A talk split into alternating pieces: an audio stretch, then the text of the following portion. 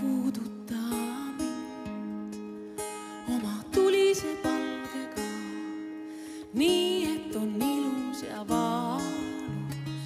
tere, armsad Puuduta mind saate vaatajad ja tere kaassaatejuht Maria. tere, Anu. Haidar. ja meil on külaliseks täna siis Raneli Ruul ja no, no, no, mis sul on siin kõik pandud, muutuste looja, transformatsiooni coach, hobulausuja ja artist. no sa pead küll iseennast natuke tutvustama, et äh, mis nüüd siis hunt kriimsilm üheksa ametiga? Aitäh kõigepealt ja tere tulemast ka minu poolt. Et äh, jaa, mul on, äh, ongi sellised läbi elu olnud umbes viis suunda ja hetkel kõige aktiivsemad ongi kolm suunda, on siis hobuteema, kus on siis hobushow'd hobu sellised lavastused ja hobupühitsused koos hobusega siis ja siis on transformatsiooni ehk muutuse teema, mis ma olen ise siis viimased kolmteist aastat tegelenud sellega hästi aktiivselt, nii et ma isegi kaotasin sinna ennast täielikult sisse ära. ja nüüd äh, siis tulen tagasi siia, siia, kus ka teised kõik on mm. -hmm. Ja, ja, ja siis äh, ongi näitlemisteema, kus on siis näitlemine, tants, äh, lava, et ja praegult ongi, et mis see minu unikaalne blend siis saab olema selles elus, et mida ma läbi selle loon mm. -hmm. et need on siis jah väga põnev inimene ja sa oled ka pikalt Eestist ära olnud vahepeal. miks sa siit lahkusid, oled vist kümme aastat mujal elanud või? jah, ma elasin äh, kümme aastat siis välismaal, viis aastat Austrias, viis Kreekas et tegelikult mulle meeldibki öelda, et kuidas siis see muutus tuleb, tuleb kas läbi valu, et enam ei ole nõus sellega, mis praegu toimub elus või tuleb läbi selle, et ma juba olen astunud sinna kohta, kus ma olen see liider, enda elu liider ja teengi neid kõiki ägedaid asju, aga see tuli mul läbi valu. Et ma olin siis kakskümmend viis äkki, kui ma ei olnud siis kõrgkooli lõpetanud ja ma tundsin, et just see mingi majanduskriis tuli ja ma olin siis nii noor ja see tundus mingi hull asi, et neid ju meil käib nüüd kogu aeg mm. -hmm. et ma lihtsalt võtsin oma lapse ja punase kohvri ja läpaka ja koera ja ütlesin, ma nüüd lähen, tšau. et vähemalt mujal on see palganumber siis selline, millega saab elada. oota, kus sa esmalt läksid? läksin Austriasse. Austriasse, miks sa valisid sellise koha Austria? see oli suhteliselt suvaline valik, et ma algselt pidin minema äh, üldse Saksamaale sõprade juurde seal mingeid lapsi hoidma aga siis, kuna ma, mul oli tantsukirg kuni selle hetkeni, ma olin tegelikult tantsija. Ja minu veres vool, voolas siis salsa veri tegelikult, et. kuule, vangutab pead et ma tegelikult õpetasin sellel ajal salsat, bachatat, ladinatantse, et ma olin nagu sellesse sellise baaristantsu mistikasse kukkunud täielikult, et sellel ajal ma siis võisin viissada kilomeetrit sõita, et minna salsapeole. Kui hiljem see siis muutus enesearengu mitte enam viissada kilomeetrit, vaid erinevad kontinendid, kuhu siis reisida. nii et jah, ma õpetasin salsat mm. -hmm jah, küsi, küsi sa oled öelnud, et sa ka inspireerid noori ja, ja ma kujutan ette, et tänapäeval väga paljud noored tahaksid minna samamoodi välismaale täitma oma unistusi või, või noh, midagi sellist suurt teha, elada seda põnevat seikleelu, nagu sina oled elanud, sa oled, sa oled tohutult palju asju teinud kuidas sa julgesid seda kõike teha, kust sa võtsid selle julguse või mis, mis nagu nõuande sa noortele annaksid? kuule ja ära unusta, me mm. täiesti lampi, vabandust, et ühe hääga mõtlesin, üheksateistaastaselt sa said ju lapse ka, mis on ju, on ju üheksateist on ju mm. noor lapse saamiseks. tänapäeval küll. et inimesed saavad täna vanemas eas lapsi, mm. sul oli ja. laps ka, ise olles laps. kas sa võtsid igale poole lapse kaasa ka või? No tegelikult ja, ja, ja ta oli minuga kaasas et see just see sinu küsimus, et kust sa võtad selle mhm, julguse, aga noh, siin inimesed mm -hmm. muretsevad oma koera, kassi ja hamstri pärast, kuhu need panna, on ju. aga sul on laps ka, et see on tõesti mm -hmm. vapper tegu, nii et palun räägi. ja et siin juba päris mitu põnevat asja rullusid lahti, millele ma tahaks vastata, ma loodan, et kõik mul jääb meelde. aga et julgus, see ongi see, millele ma ennem vihjasin, et see ei olnudki, ma arvan nagu julgus, vaid see oligi valukoht mul. Aga ma... mis see valu oli mm -hmm., koogime selle ka tal lahti, mhm. sest inimesed on jube uudishimulikud tegelikult. mis valu see ikka oli? kõigil on valu. ühesõnaga, ma olin elus sellises kohas, et äh, ma ei lõpetanud ülikooli, siis ma, äh, ma tundsin. kas see oli sinu jaoks nagu siis mingisugune õudusune nagu, issand jumal, ma ei ole ülikooli lõpetanud, kelle ees, vanemate ees, kelle eest sa häbi tundsid? ei, tegelikult mul oli kõik väga hästi no. lihtsalt no ma lihtsalt, ma tundsin, et ma ei, mul ei olnud seda kõrgharidust ja see hetkel tundus mulle, et ma ei ole piisav et ma tegelikult tundsingi täiesti kohutavalt ebapiisavana ennast, kuigi see võis ka tunduda mitte nii, sest ma olin tantsija, aga minu kõige suurem hirm tegelikult oli üldse inimeste ees rääkimine. et ma võisin lava, lavale hüpata, mida iganes seal teha, aga peaasi, et kuskil midagi rääkima ei pea. aga lihtsalt ma mõtlesin, no miks mitte, et äh, nagu seal sellel ajal oli nagu võimalus äh, palka saada mingi väga väike number, mõtlesin, ma ei ole nõus sellega, ma lihtsalt ei ole nõus sellega mm. -hmm. ma võtan ja lähen proovin ja vaatan. et hakkama saada siis? jah, täpselt mm, -hmm. et ma mäletan, kui kolisin sinna, siis ma tegelikult ei osanud ju ka algul saksa keelt. ja siis võtsin mingid kuulutused lahti seal ja proovisin, et rentida korterit ja siis tuli välja, et see oli hoopis müügikuulutus ja ma küsisin, et kas koeraga võib.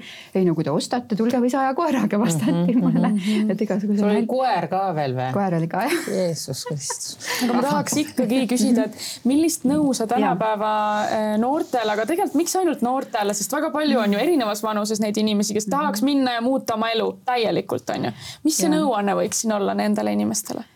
noh, vau ja tegelikult, tegelikult tegelikult mu kõige suurem unistus ongi noortega tegeleda, sest mul on olnud siin mõned noored kliendid, kes ta ongi kahekümne aastane ja ta võtab minult transformatsiooniprogrammi. Ehk siis see on nagu ma ei saa öelda, et see on parem kui ülikool, aga siis tal tuli meelde, et ta on sellel kliendil, et ta on ise juba mingi toote nagu arendamisega peale hakanud. Ja selle protsessi käigus ta muutus nii nagu teadlikuks iseennast ja juhiks, et ta suutis enda eduka isa ja tema sõbra enroll ida ehk siis kaasa võtta, et arendada oma toode välja mm -hmm.. kujutad ette, noor inimene, ühesõnaga tal on vaja nagu natukene lihtsalt näitamist, et mis programme, miks ta teeb mingeid asju, kas need on samamoodi läbi valu või selle, et ma nüüd valin midagi teha mm. -hmm. et äh, mis see soovitus siis on noortele? tegelikult äh, ju suures plaanis ongi see ikkagi, et äh, me võime siin manifesteerida, teha, et jaa, kõik on õnnelik ja tore.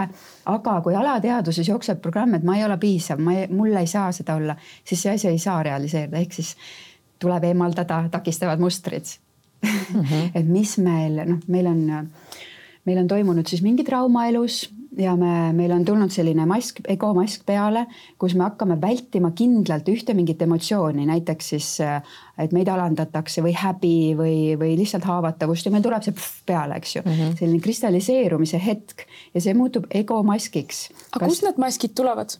See ongi see, mis ma just praegu Aha. rääkisin, et juhtub trauma mm. -hmm. nii ja trauma käigus laps otsustab, see oli liiga õudne, ma ei taha enam kogeda iialgi midagi sellist, tun-, tunda mm -hmm. midagi sellist mm. -hmm. ja pabah, kristalliseerumine, mask peale ja see siis noh, väljendub kas äh, ohvri rollis äh,, ülbuses, lihtsalt sellises minaiseline nagu tõesti see pigem nagu saba jalge vahele niimoodi. Nad tõmbusid siis nagu kuidagi nurka ja, ja varju ja, siis pigem jah? ja, et mul oli, kui ikka oli liiga selline hirmutav kogemus, ma pigem nagu äh, tšau, ma lähen see tundub praegu uskumatu, et inimene räägib sellest, tõmbusin nurka, olin nagu hiirekene ja siis läheb babaa, läheb maailma. aga sageli teises riigis ongi kergem ennast näidata, eks ju, sellisena, kes ma tegelikult olen. okei okay,, et sul jäävad need vanad igasugused ja. mustrid ja asjad jäävad siia maha nagu nojah, ma arvan, et minu, minul tegelikult see ego tüüp oligi tegelikult, kes tahtis peita, aga mul tuli nagu selline ingliskeelne välja flip nagu, et ta pööras vastupidi hoopis, et mm -hmm. ma mhm. hakkasin nagu tõestama kõike seda aga okay. sisemiselt noh, ma olin selline ikkagi kartsin, aga ma hakkasin välja näitama, ma teen seda kõike, ma julgen, ma lihtsalt noh, lähed nagu ebatervislikult läbi nendest, hüppad mm -hmm. mingi täiega pea ees kuhugi, eks ju. aga sa jätsid siis nagu ekstraverdi mulje tegelikult olles introvert siis või? Võib-olla midagi sellist küll jah. või vastupidi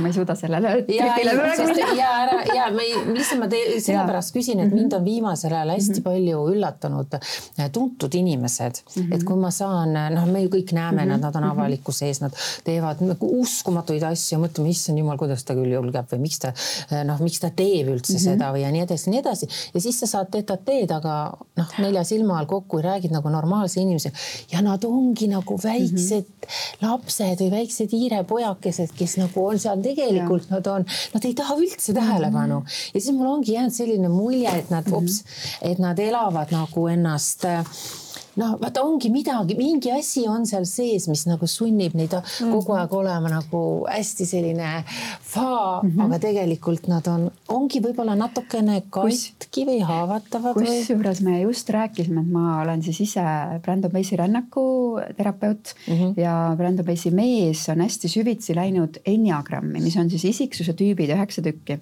ja meie vaatlemegi neid kui egotüüpe, sest et need sellised mängud ongi tekkinud sellest mingist haavast ja üks tüüp ongi selline kellel tema nagu see, kuhu ta ei ole nõus minema, ongi see, et ta ei ole nähtud mm. -hmm ja need ongi needsamad staarid, et noh, sellel mhm. egotüübil ongi seesama staari kvaliteet, kuna tema jaoks kõige õudsem asi on see, et ma ei ole mitte keegi läbi selle, mida ma teen mm -hmm,. Mm -hmm, mm -hmm. väga-väga mõistlik mm, -hmm. aga see on ka minuni hilju, hiljaaegu mhm. jõudnud nagu, et mm, -hmm. et tõepoolest väljapoolt ärge jumala pärast puutuge mind, ärge segage mind, ärge pöörake mulle üldse tähelepanu, et, et see on hästi-hästi huvitav. mitte kõik ei ole sellised, et aga osa on ja see mm, -hmm. see on tulnud suure üllatusena tõesti aga ja. sinuni läksid sinna ta-ta-ta-ta, keelt ei oska, mitte midagi ei oska siis äh, seal kuulutusi hakkad lugema hakkad korterit ostma, koer ja laps, no mis, kuidas see käib, sest paljud inimesed küsivad, aga kuidas see päriselt käib? no mis -hmm. siis saab edasi, no noh, üldiselt ju kuidas, kui minnakse niimoodi, siis ikkagi mingi plaaniga, et minul ikkagi oli ka see salsa õpetamisplaan, et mul okay. tekkis kohe sealt Äh, Saksamaalt see tantsupartner, kõik esimene, kellega me hakkasime siis harjutama ja siis hiljem kolisin Viini, kus tekkis see teine tantsupartner, kellega me hakkasime kohe õpetama koos. aga see Kel... ka sotsiaalmeedia kaudu kuidagi ikkagi siis nagu. no sellel ajal ma käisin salsapidudel ja seal toimus see okay., ma ei tea, kas siis veel oli, ei olnud, sest et mul praegult tuleb meelde, et siis, kui ma juba Austriasse kolisin, sellel mu peikahal, kes oli mu tantsupartner, tal oli iPhone ja ma algul nagu mõtlesin, et nagu ma ei tea, et kas mul üldse on mingi, mis, asi see on, eks ju. et noh, ma ei tea, see oli veel selline aeg. ja praegu mõtlen, kuidas ma üldse midagi üles leidsin. -hmm. et noh, arvutid küll olid juba olemas, aga yeah, nagu yeah,. Yeah. ehk siis sul oli mingisugune plaan olemas, et sa hakkad seal ikkagi tantsimisega ja, tegelema. aga kuidas sa hobusteni jõudsid, sa main-, me rääkisime siin hobu lausamisest midagi natukene, kuidas sa selleni jõudsid? inimene, kes kartis hobuseid. ma pean siia vahele ütlema kohe. kitupunn miks sa hobuseid kartsid? tegelikult äh, hobustega on niimoodi, et äh, nii kui ma väiksena sinna hobuse selga sain, see oli siis tööhobune, kes siis kündis, tal olid need, need rangid kõik kaelas ja taga siis kündmisjärg ja ma sain sinna selga niimoodi lamades ja hoidsin nendest rangidest kinni. ma olin müüdud mul ei olnud nagu mingit juttu enam, siis oli, kui ma kuskil hobuseid nägin, näiteks emaga sõitsime autoga ja siis kuskil hobus, hobused, ema mingi oli nii vihane, et ta sõidab kraavi niimoodi, et mul noh, et see tund, äratundmine oli nii, tugev ja siis ma, mul oli äh, seal vanaema juures ähm, maal olid naabrid ja naabritega sain kohe sõbraks ja tuli välja, et ühel mehel on hobused, keda kõik kartsid lapsed, kuna teda kutsuti kotionuks aga tal olid hobused, eks ju. ja ma sain temaga parimaks sõbraks ja tema hobused said nagu minu hobusteks. nii et ma kappasin seal mööda maal ringi, et ma kujutan ette, et nad võib-olla olid midagi Tori suunalist hobused, sellised suured. sa ei kartnud siis ikkagi hobuseid, kas mul jäi see mulje, et sa nagu oleks kartnud hobuseid? no siis lapsena ma tegelikult ei kartnud, praegu saan aru. aga, ja siis oli, ma ratsutasin ilmas sadulates, polnudki sadulat, eks ju, noh, nii kuidas ma aru mhm. sain, et see võiks käia millalgi läksin ratsatundi sadulaga, issand, kui ebamugav, mingi kergendamine, nii piiratud tundsin ennast ja siis tee nii ja tee nii, on ju, mhm. mingid reeglid, eks ju. ja siis lõpuks ma siis jõudsin Tondi maneesi ja ütlesin, et ja, ja ma oskan ratsutada. ja siis anti mulle üks hobune, Eiffel, must, ma mäletan siiamaani, keda ma liikuma ei saanud nii. ja siis ma kuidagi, kuna ma olin ju ikkagi tegelikult, ma olin hästi kartlik väiksena ja selline pigem, et tõmbasin ära, siis ma tõmbasingi ära et ma ei julgenud seal nagu rohkem tundi minna, vaid pigem, et ei. sadul, mitte hobune ei hirmutanud, vaid sadul. ja see tunne, et sa ei ole piisav, et sa ei saanud hakkama. no täpselt ja sellel ajal treenerid olidki ju sellised, et. Point, just, just nüüd ma sain aru. et aga ja, et noh, ratsakoolides hästi palju rõhutatakse, mis tegelikult on õige, et ära mine tagajala juurde ja see ongi õige, sa võõral hobusel ei tohigi minna, sest mm -hmm. see mhm. võibki surmavalt ohtlik olla. ja kuidagi ma ei tea, kuidas ma õppisin ära, sest ma ikkagi mitme hulluhobusega sattusin ka sõitma, kus oled seal kuskil, ma ei tea, kuskil aasa peal ja ta paneb sul täie, täie vudjaga talli poole onju mm -hmm.. no see on ikka väga ohtlik, sa ju juba mõtled, et appi, seal tuleb see kurv ja see kurv ja mm -hmm. siis kuhu ta mm -hmm. nüüd läheb ja noh, äkki tuleb mingi auto. et noh, nende hullude hobustega olen kokku puutunud mm. -hmm. nii, aga välismaal? kuidas sa hobusteni jõudsid lõpuks? ja välismaal oli ka, et ma käisin veel seal Austrias oli ühel tuttaval oli hobune, ma käisin ja tal oli ka hull hobune jälle, et kuskil seal lähed maastikule ja siis ta hakkas mingi seisma jääma järsku, aga hobusel, kui sa istud seljas, ta jääb sul järsku seisma, siis lendab sa maha sealt. kukud üle, see on No jube noh. ohtlik, sa võid Jaa., sa lendad ju üle, sa murrad oma selga. no ongi. ja siis ma mõtlesin, nii kõik aitab nendest hulludest hobustest ja mm. -hmm. ja siis lõpuks, lõpuks, kui ma tundsin justkui, et elus mul on nüüd kuidagi kõik nagu olemas olnud või sellel ajal tundus, et kõik on tehtud mm. -hmm. siis oli, et ei, hobust on vaja ja ma läksin Islandile lastega road trip'ile ja, ja kuidagi sain aru, et nii, nüüd ma ei ole nõus enam ilma hobuseta edasi elama ja algul oli mul unistus üks Hollandi hobune, kes on sellised musta värvi hästi-hästi ilusad, no nagu nii ilusad kõikides filmides kallid. ongi need, need hobused. aga siis ma nägin hoopis ühte, üks šamaan naine tegi oma filmi äh, Portugali hobustest ja Lusitanodest ja siis mul tegelikult tuli meelde, et ma olen töötanud ühe Lusitano, kui ma õppisin natural horsemanship Itaalias mm. -hmm. ja mulle nii see hobune meeldis, kuna ta oli suur, suursugune iseloomuga karakteriga, et noh, et Eesti hobused on hästi-hästi rahulikud, et kui ta seisab, siis ta lihtsalt seisabki kuskil niimoodi, lihtsalt nagu seisab. noh. täpselt, aga, aga need Lusitanod on nagu sellised, et tal nagu pea ei seisa kunagi, nüüd see juba muutub veits häirivaks, kui lähed ratsutama, siis on kogu aeg mingi niimoodi, et noh, nagu ma ise, eks ju mm. -hmm. ja, ja siis ma nägin seda filmi ja ma tundsin, et appi, ma olen töötanud Lusitanoga ja ma otsustasin, et ma uurin välja, kust tema selle oma hingehobuse leidis. ma algul mõtlesin, et ja, ja, et mis hingehobune, ma küll ei usu seda tegelikult, aga noh, ma lähen sinna Portugali ja ma läksingi sinna Portugali seal oli ka suur pikk lugu, kuidas see kõik oli, aga ma jõudsin sinna talli, kus oligi Fidalgo, minu hobune. Ja kui ma algul lähen sinna, nojah, et mul see, palju ma nagu tahan kulutada hobuse peale, noh, viis kuni seitse tuhat. no võib-olla äärmisel juhul üheksa tuhat. Nende hinnad hakkasid kahekümnest tuhandest ma. tahtsin just öelda, et see on viiekümnest tuhandest. ja siis noh, aga noh, ma, ma tegelikult lootsin, et äkki ma leian selle hobuse, aga ma ei olnud vaata ähm, ingliskeelne väljend attachment on ju, mis on eesti keeles ähm,. Puudutust või kokku- kokkupuudet. mul ei ole seda, et aa, ma praegu lähen sellepärast sinna, et ma tahan nagu kinnihoidmist mm. Ja, ja. et see, mul ei olnud seda kinnihoidmist, et ma nüüd lähen ja tahan seda leida, seda hobust ja lõpuks me läksime siis talli hobuseid vaatama, seletasin, missugune hobune mulle meeldib ja kui ma jõudsin Fidalgo boksi juurde, siis ma lihtsalt nutsin. issand, nagu ma olin appi. see on minu hobune ja siis äh, tegelikult see peatreener ka ütles, noh, et esimene hobune, et see hobune kindlasti ei ole sulle. et ta tuli sinna, kuna ta oli, tal olid siis traumad sellel hobusel. ta oli noh, seal Portugalis on liiga retsid need äh, treenimis mingid, kas ta oli siis mingi võistluse hobune olnud või? no ta on hästi-hästi uhkest ja võimsast nagu aretusest okay., kus on tõesti nagu väga ilusad ja väga edukad hobused, aga temal, tal oli siis midagi liiga tehtud ja ta ei olnud nõus selle mingi peksmisega või mida iganes nad tegid talle. ja ta ei sobinud enam sporti, sellepärast ta oli toodud sinna, kus oli selline enam-vähem pehme treener, kes sai ta enam-vähem normaalseks aga mulle ka öeldi, et ta on nagu ülitundlik ja mingi, ma ei tea, sellised, sellised probleemid ja kui ma talle selga istusin, ma nagu samal ajal ülielevil samal ajal kartsin. aga ma olin nagu, see on minu hobune, et ma, ma tegelikult siis veel kuu, tulin sealt ära, ma kuu aega ei suutnud otsustada, sest äh, see on ikkagi nii suur otsus, noh, see ongi nagu laps ju mm -hmm., noh ja siis oli lõpuks, lõpuks nad juba ütlesid, et see hobune juba läheb ära sealt, kus ta on ja siis ma lihtsalt nutsin ja ütlesin, et ma võtan selle hobuse. et ta oli siis soodsamalt, kuna tal olid probleemid, aga ma uskusin, et ma leian selle tee temaga ja ta oli mul poolteist aastat olnud kui ma veel mõtlesin ta maha müüa, kuna ma vaatasin, ma ei saa temaga hakkama. ta ei olnud, ei olnud nõus metsa minema, noh ühesõnaga seal oli palju asju, ta oligi, võis nagu minna täiesti ketrama, nii et ta jooksis ümber minu nagu täiesti paanikas ja, ja et väga-väga Vau. aga see hobu lausumine, see kõlab nagu sa oskaks hobuse, hobusega sama keelt rääkida. tegelikult sa, täpselt nii see ongi, et hobustega sa saad, noh, mingid inimesed siis on istunud hobukarjadega ja vaadanud, kuidas nad omavahel suhtlevad ja seda ma olen õppinud. ehk siis saaksid sa meile öelda midagi hobuse keeles praegu? lõpeta. oot, oot, oot, see on väga naljakas. ei, ei, ei, ei, tahaks teada. oota, ma mõtlen, kuidas seda niimoodi teha, et see normaalne välja näeks ei ma pean, ma pean, muidugi ma tekkis pean. huvi, et huvitav, mis on hobuse keel? oo, mis see oli nüüd?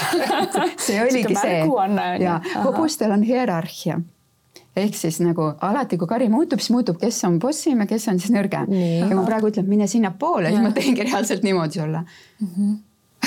väga aga sa huvitav. pead, aga sa pead, seisad hobu, vaata hobune ju silmad on, eks ole, siin, ta ju ei näe Ja, otsa, eks ja, ja. sa pead tal siin kuskil kõrval siis seisma või kus sa, kus ja sa tegelikult küll ja, et mulle tundub, et see mõjub inimestele ka. nii, ja mis, oota, ma võin veel midagi rääkida No, ma kohe ütlen midagi Anule. issand. aga teedki hobusele niimoodi või? jah, hobused tegelikult reageerivad nagu sellele rütmilisele nagu liigutusele ja et mine sinnapoole ahah, vau, või siis näiteks ma võin sulle midagi öelda, Anu no.. Ma ei taha sind näha. ei, ei jah, et ühesõnaga nad rea- reageerivad kehakeelele ja energiale seda. ma kuulen esimest korda mm. väga huvitav. no siis ma ütleks, et äh, järgmisena, kui tuleb minu hobulavastus, tulge seda vaatama, siis te saate seda kõike näha mm. -hmm. et ma see suvi alustasin nendega ja neid tuleb veel. hobulavastus. ja siis ongi hobulausumise show, kus ma kõike seda näitan, mida ma temaga teen. see ongi väga maagiline, sest et kui sa näed, et inimene ja hobune saavad suhelda, noh, kehakeeles siis täpselt. kehakeeles energiaga mm, -hmm. väikeste liigutustega, no siis see on ikka väga võimas ja see ühendab ju palju rohkem loodusega ja, ja, Ja, ja ja. enda sellise puhta olemusega. ja et hobused on nii tundlikud, et näiteks ma läksin äh, tütre tahtsin hobust osta, läksin vaatama seda hobust, aga see oli Saaremaal. Nii et me nagu läksime, terve tee olime elevil onju mm -hmm. ja sõidad no mingi neli pool tundi, eks ju. me näeme seda hobust nüüd ja, ja läksin sellise energiaga selle hobuse juurde, ta läks kohe närvi, sest ta oli nii tundlik hobune. siis ma olin mingi, nii lahe, eks ju. et see õpetab nagu enda emotsioone tegelikult kontrollima ja nagu minemegi, et kui tundlik see hobune sul on näiteks lapsele ma ostsingi hobuse, me harjutame teda, et kui me jookseme mingi niimoodi tema juurde, ta ei kardaks seda, et meiega on turvaline, isegi kui me teeme ajuvabasid liigutusi onju, et seda noh, algul on küll, mis teed onju. aga kas sa teed siis Mm. äh, hobustega inimestele mingeid teraapiaid või selliseid asju ka ja kuidas, kuidas inimene saaks hobuse käest abi saada? ja et äh, tegelikult äh, me suvel siis teeme selliseid hobu, hobupühitsusi, et see pühitsuse, pühitsuse õpetus on iseenesest Kristiina Raie õpetus. Ja noh, ma panen sinna kokku siis kõik oma kingitused, selle tantsu, laulu, mantrat, mantraid laulan, selle rännakutöö, üliteaduspraktikad, siis kogu selle hobuse asja. et äh, need hobupühitsused, need on midagi, mida ei saa kirjeldada, et see ongi selline rannas toimub selline ilus ruum ja vastavalt siis inimese taotlusele, mis tal on hetkel vaja, kuhu ta tahab siis level up ida enda elus, siis läbi selle protsessi saab, kus me pärast läheme hobusega vette ja roosilehed ja kõik selline ilus maailm. Vau, esimest korda kuulen, sest ma olen alati mõelnud hobulausuja on nagu natuke ravitseja, no hobuste ravitseja, eks ja ole. täpselt. et, et noh, ongi problemaatilised hobused mm, -hmm. aitab siis kuidagi neid loomi ka joone peale ja pluss, et siis on ka inimesed probleemidega, noh, on palju lapsi, eks ole mm, -hmm. kes, kes ei suuda täiskasvanutega võib-olla suhelda, siis kuidagi noh, nagu läbi koerte, eks ole mm, -hmm. koerad on ravitsejad, hobused, eks ole, siis kuidagi läbi selle hobu, hobuse teema siis äh, vabastatakse igasugustest äh, pingetest jaa. et tegelikult mul oli viimane kliendipaar, siis noor, noor naine, kahekümne ühe aastane, kes on siis tippratsaspordis ja tema hobune mm.. ja kõigepealt ta hakkas ostma transformatsiooniprogrammi enda hobusele oh. ega noh, endale ei hakka ju sellist kulutust tegema, onju, aga hobustele me oleme harjunud maksma seal tuhandeid. lemmikloomadele jah. täpselt. ja, ja siis noh, tegelikult lõppkokkuvõttes see programm oligi neile mõlemale, et ma aitasin seda tüdrukut siis enda visiooni elama ja seda hobust ja nendevahelist suhet siis edasi arendada, nii et äh, see tüdruk sai siis ah, kui ta oli harjunud ju sportlasena ainult põhimõtteliselt selga istuma ja võib-olla natuke jooksutama seda suhet luua, et selle hobusega me jõudsimegi siis ka sinna, et ta sai, peaaegu jõudsime sinna. et eh, noh, ühesõnaga mina jõudsin sinna, et see hobune järgib sulle siis nii, et sa juhid teda samamoodi ilma siis mingi köieta või et väga-väga-väga ilus, et tal on ka muidugi. ehk siis taltsutate põhimõtteliselt ära. noh, sa räägid temaga siis nendes samades keeltes. Mm, -hmm. kuni ta vaatab, et aa, et tegelikult siin noh, sa võtad tegelikult äh, juhi rolli. Et hobused tegelikult õpetavad juhtimist, et minu hobune on ka äh, siis, kui ma midagi päriselt ei mõtle, siis ta on nagu, ma ei tee seda. Et ma ei tee seda, et äh, kas sa nagu päriselt mõtled seda ka, mis sa ütled või ei mõtle? Mm. nagu hästi konkreetselt et ei ole mingit sellist mullitamist ja suhtumist. sellist äh, jah, lillelisi liblikaid mm, -hmm. et hästi konkreetne, konkreetne mm. -hmm et läbi usalduse, läbi armastuse. kas selliseid ravitsejaid ka on, kes siis noh, me briefly nagu rääkisime, et need hobused on kannatada saanud, on ju, neid on seal võiduajamisteks koolitatud mm -hmm. ja ilmselt mõnel puhul päris julmaltki et kas sellised, kas sellised asjad ka tulevad, kas, kas on olemas selliseid ravitsejaid, kes saaks aidata neid loomi, väärkoheldud siis hobuseid, et sa saad ta normaliseerida ikkagi siis kuidagi, et no saadki ta terveks teha, on selline võimalus üldse olemas? ja no ma tegelengi ise ka sellega mm. -hmm. et äh, seda ma tegin nüüd enda hobusele et see oli nüüd nelja-aastane protsess, kuna mina ju õppisin koos temaga läbi tema, läbi tema probleemide ja vajaduste. et äh, edasi nüüd iga, iga järgmise hobusega on aina lihtsam ja toredam.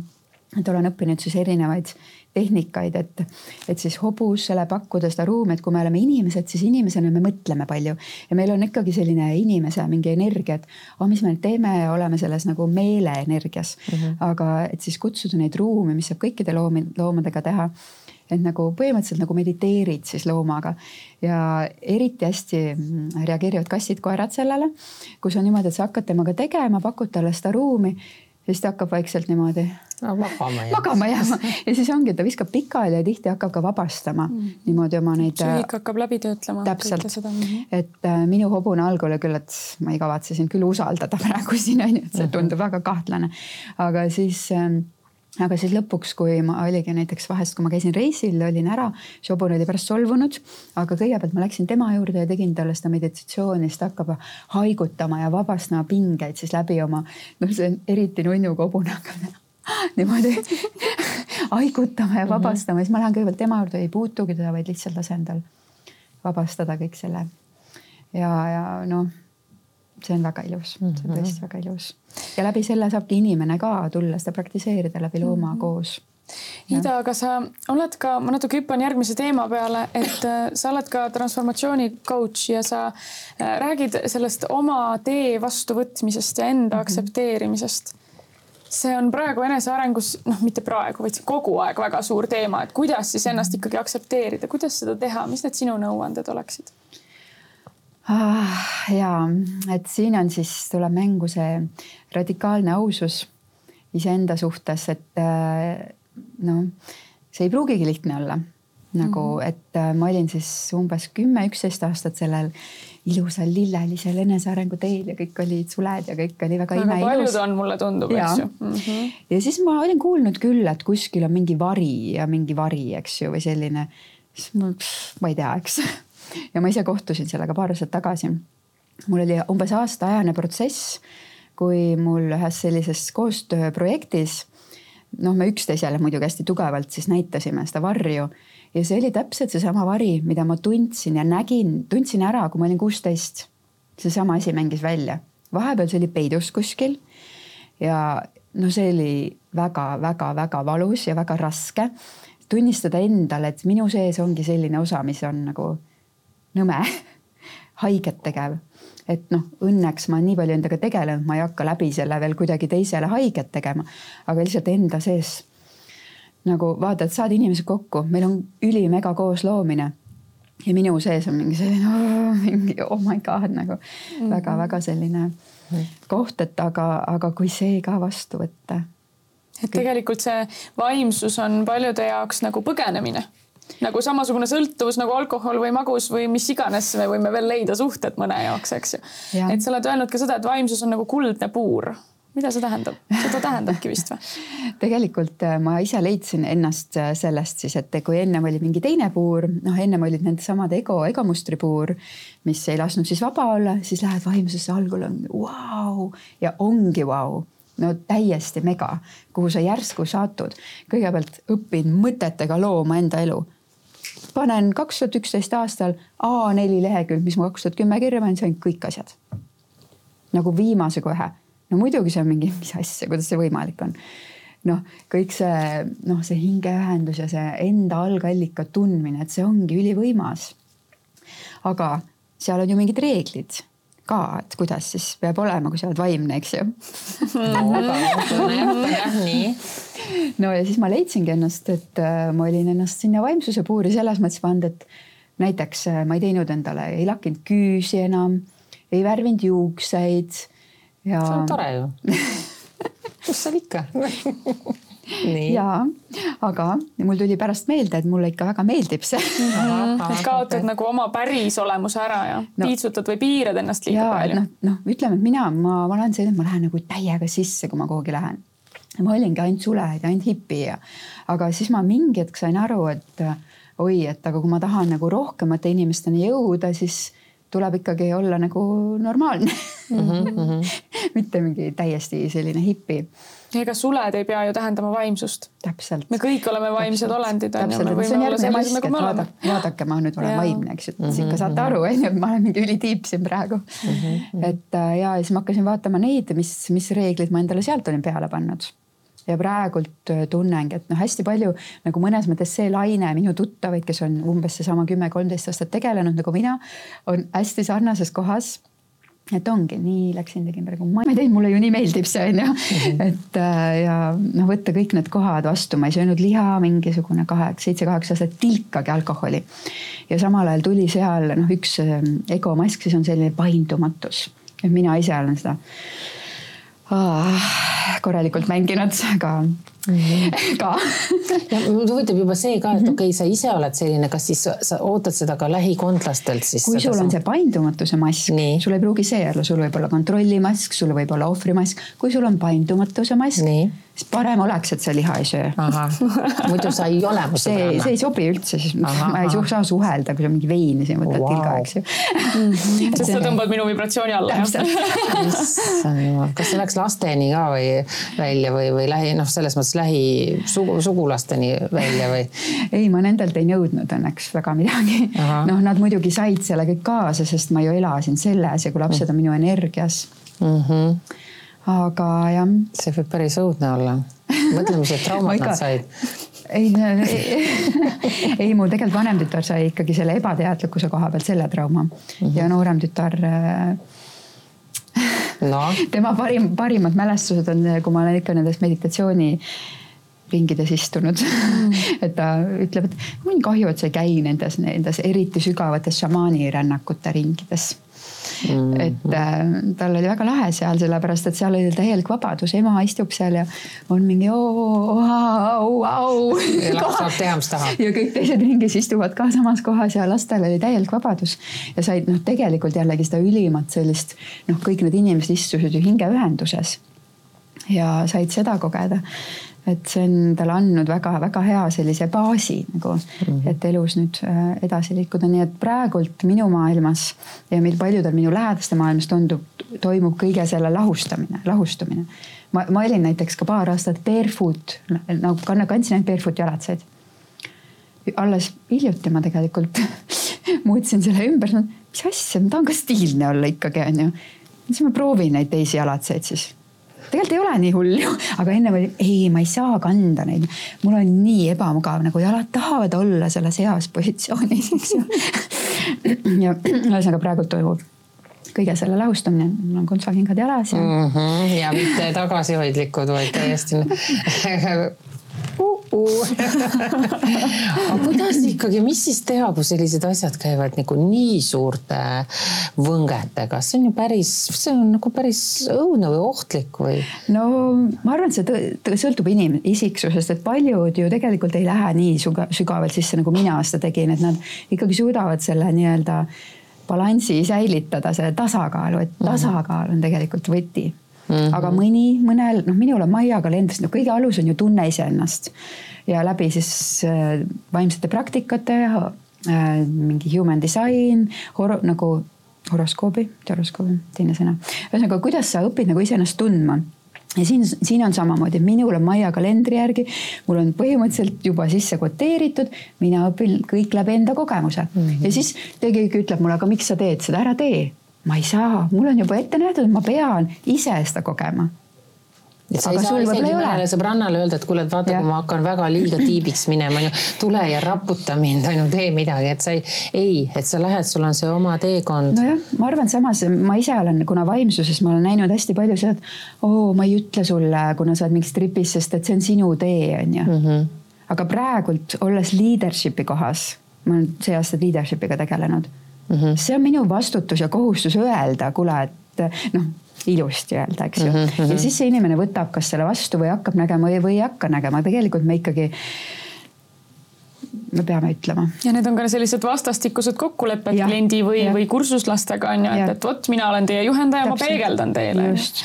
aga sageli just. inimesed, nojah, vaimses maailmas on ju neid konflikte avalikult välja tulnud küll, et vot sa, vaimne õpetaja ütles mulle liiga karmilt ja alandas mind teiste ees ja mis iganes on ju teemad mm. -hmm. et, et seda võib ka valesti mõista, on ju. ja, et kui inimene ei ole valmis nägema, ta on nii veel selles oma asjas mm, -hmm. siis see võibki tunduda, et mis asja sa räägid Mm -hmm. aga, aga. no tegelikult just seda peegeldust võib-olla oli vaja. hiljem, paar täpselt. aastat hiljem saab aru, et ai, see läks õigesti. jah, et vahest on vaja seda nii-öelda sellist läppi nagu mm -hmm. näkku, eks ju mm. -hmm. ja see ongi hirmus kõigile selles hetkes mm. -hmm aga kus sa nüüd teel, kuhu sa nüüd teel oled siis, issand jumal, mis see järgmine nagu vapustav vapustav kogemus võiks olla või mis, mis sulle tundub? ma arvan, et see hobu, hobulausumislavastus saab olema järgmine vapustav kogemus mu enda jaoks mm. -hmm. ja kõikide teiste jaoks okay.. et see on, ma arvan, et see on minu selline unikaalne, selline maagiline sool mm -hmm. või suhkur.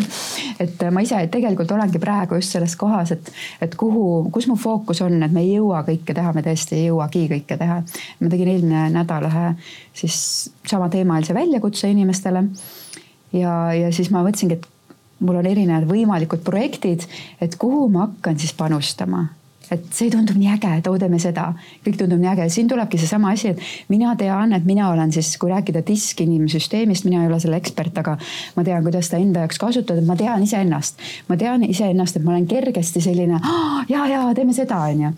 et ma, et tuua sisse nagu seda ana-, analüüs, analyzer mm. -hmm. analüütilisust ana,. Ana, analüütilist poolt et mõelda ikkagi läbi, et minul on vaja areneda sinna, sest ma olengi selline oh, ja, ja teeme, teeme, teeme hästi palju energiat mm -hmm. ja, ja mul on nagu palju seda ka nagu väge, aga tegelikult ikkagi tõmban tagasi kuhu ma panen oma energiat mm. -hmm. teadlikumalt siis... valida, vaadata. täpselt, teadlikumalt valida, vaadata, mis need minu hingeprojektid ikkagi on no ikkagi tundub jah, et see, see, see hobuste ümber ikkagi keerleb. kas meil on kedagi teist ka analoogset, kes äh, midagi taolist teeb? No Eestis? hästi vähe, et mõned üksikud on, aga noh, minu noh, kingitus on see, et mul on kõik see artistlik pool, näitlemine, tants nagu lava. see käib ka veel sinna juurde kõik see no ma panen ikka kõik mängu. ja see teraapiline pool ju ka. see on ju päris show, oota, sa ei tee ju seda üksi, seal peab olema ju veel jah, et ma tegelikult see suvi tegin hästi, tegin nagu väikselt, noh, selles mõttes väikselt, ma tegin ise, mina, minu hobune ja minu laps, kes ka mhm. osaleb kõiges, et mul, mul on enda väiksema tütrega, meil on siis hästi-hästi sarnane elutee siis, kui vaadata kas human design'i või Maia kalendrit, meil on mingid samad numbrid ja me koos nagu reisime seda elu. ma lihtsalt vaatasin, et uskumatult lahe, et mul on selline nagu teekaaslane tulnud, see nagu see laps on, on ju mm. -hmm. ja me teeme, teeme mantrabändi, teeme koos, ta on ka nüüd teeme hobuseid, teeme seda nüüd on ju. ta teeb ka näitlemist ja tema on siis ka olnud kaasas mul selles, aga jaa, kui hakata suuremalt vaatama seda asja, siis siis on vaja tiimi ja. selliseid ema, tütre, on tütar sul? jaa, tütar jah. Mhm. oota, mitu last sul üldse on? kaks last. kaks last, kaks, last, kaks hobust, üks koer siis praegu. ahah et selliseid suhteid võiks meil rohkem siin ühiskonnas olla. väga ilus. ja et see on suur taotlus mulle, et vanemad lastega Mm -hmm. ah, saaks mõnusalt, mõnusalt elada, aga noh, kust, kust siis see tuleb, ongi, et ema ise hoolitseb iseenda eest ja siis saab mm -hmm. hoolitseda lapse eest, et tema vajadused on mm -hmm. rahuldatud, pluss siis muidugi need äh, healthy boundaries, need piirid. et minu laps on selline loomu, loomu poolest pigem juht olnud juba see selline imikust saati mm. -hmm. et kuidas siis ise ellu jääda selle väikse aastase juhi kõrval on ju, kes nõuab sul kohe mingi, ma ei tea, mida mm. -hmm. aga et tema need omadused siis säiliksid, et jah mm. -hmm aga sa oled ikkagi ainulaadne, ma pean nagu pean, pean peale nagu ainulaadne Eestis või, või noh, mujal maailmas on igasuguseid asju. ja miks see põhjus, et miks sa mm -hmm. siia tagasi tulid, kas see oli, kas see, mis see põhjus nagu oli lõpuks siis? tegelikult ma olin kümme aastat välismaal ja ma, mul ikkagi oli tegelikult raske seal, et tegelikult, kui sa oled kodus sa tead, et see tänav on see tänav ja siin on see maja ja see tähendab, et see on see maja, et sa tead Estonia või Draamateater, sa tead, et see on see. aga nagu sa oled võõras kohas, sa nagu mitte midagi ei tea tegelikult. no sa tead, saad ju teada, onju. sa ei tea ka inimesi, eks ju. noh, ma tean Eestis oli naljakas juhus, kui ma Eestisse tulin, kusjuures nägin sind, sind Anu nägin. ma tulin Eestisse, ma igatsesin Anu, Eestit ja nägin Anu äh, seal Hortes ja mõtlesin, ah nii mõnus, ma tean, kes see on, eks ju näed oma inimesed kohe siin Eestis on ju. tekibki selline nagu selline kodune tunne. noh, et see on näed, see, mis meil jalutab, ostab William ka ja oi ma ka ja siis no,. täpselt noh, kohe hea tunne on ju. ühesõnaga ikkagi inimest, ma tihtipeale küsin inimestelt ka, et nad on, lähevad välismaale, kes on mhm. edukas, kes vähem edukas, igal juhul, aga mingi asi neid kraabib nagu tagasi. see on turvatunne mis ja. asi see on nagu, et ma just eile tegin intervjuu Heidi Tammega, kolmkümmend aastat oli Soomes väga edukalt konservatooriumi juhtis, kõik oli oh, perfekt mm, -hmm. elu oli nagu lill ja ta ikka no, ja sa ei saa aru, mis asi see nagu ikkagi tõmbab mm -hmm. ja sa praegu väga toredasti ütlesid, et lihtsalt Anu tõmbas tagasi. Anu tõi mind tagasi, muidugi. nagu siin nagu kodus, et noh, meie mõtleme pragmaatiliselt, me mõtleme, et okei okay,, et välismaal, kus sul on juba mingi karjäär ja sa oled ju midagi oskad mm -hmm. nii-öelda. et ma noh, ma mõtlen ka raha peale on ju, mul on kergem võib-olla elada, kui mulle makstakse näiteks normaalselt. täpselt, näiteks normaalselt. et meil täpselt. Eestis on see probleem ja väiksuseks ja number üks. Ja, ja teiseks sellepärast ongi niimoodi, et mm -hmm. inimesed kuidagi siis vaatavad, teevadki kümmet asja, et kuidagimoodi hakkama saada, et see on nagu nii vahel tundub nii ebaõiglane mm, -hmm. aga noh, samas sa saad selle turvatunde sellest väiksusest, sest kõik on sinu suur pere siin on ju nii, et kui sul on hädaolukord, siis lähedki piimapoes, lähed Anu juurde, ütled kuule ostab piima mulle. laena palun natukene, mul on selline olukord ja eestlane mõistab ju on ju eestlast, aga ma ei usu, et Londonis sulle keegi appi tuleb, on ju. et, et või miks mitte Viinis või, või kuskil Berliinis.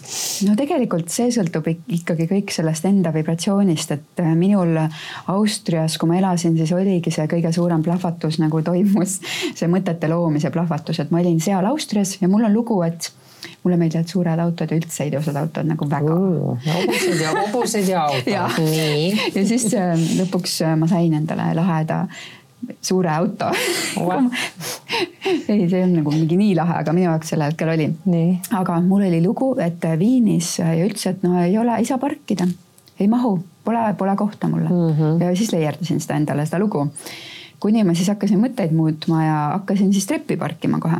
et siin ongi, et noh, tegelikult, tegelikult kui sulle õige vibratsiooniga ükskõik kuhu minna, siis see on võimalik, et ma olen mõelnud, ma võiksin veel kolida välismaale küll. kui mul on oma mees. ahah, mõtle kellegi võõras mees kui mul on, kui mul on nagu, kui ma saan luua selle oma nagu, oma inimesega selle oma nagu ruumi mm -hmm.. noh, näiteks mulle meeldiks, mulle sobiks elada Portugalis ühes villas, kus mu hobused teevad ise trenni ära, mägedes jooksevad üles-alla, eks ju. ja meil on oma selline ilus mõnus ruumikene. manifesteerime, me kõik tahaks elada Portugalis ilusa mehe, ilusa hobuse ja suure autoga. villas okei, tehtud, nii, see on olemas. Et ja, et, et noh, lõppkokkuvõttes sõltub, kui noh, muidugi jah, see mõtetega loomise koht on ka selline, et ma mingi hetk väsisin sellest nii ära, ma ei taha kuulda ka, et ma pean kuidagi midagi toredalt siin üldse mõtlema. et nagu, kui ma Eestisse tulin, siis oli aasta aega ikkagi väga raske, et ma ka mõtlesin, et ma tulen siia, ma olen selline jumalanna praegult, et ma ei tea, mida ma siin kõik tegema hakkan. ei hakanud, ma istusin aasta aega diivani peal et ähm, eks see noh, igal asjal on oma aeg ja, ja samal ajal ka see mõtetega loomine.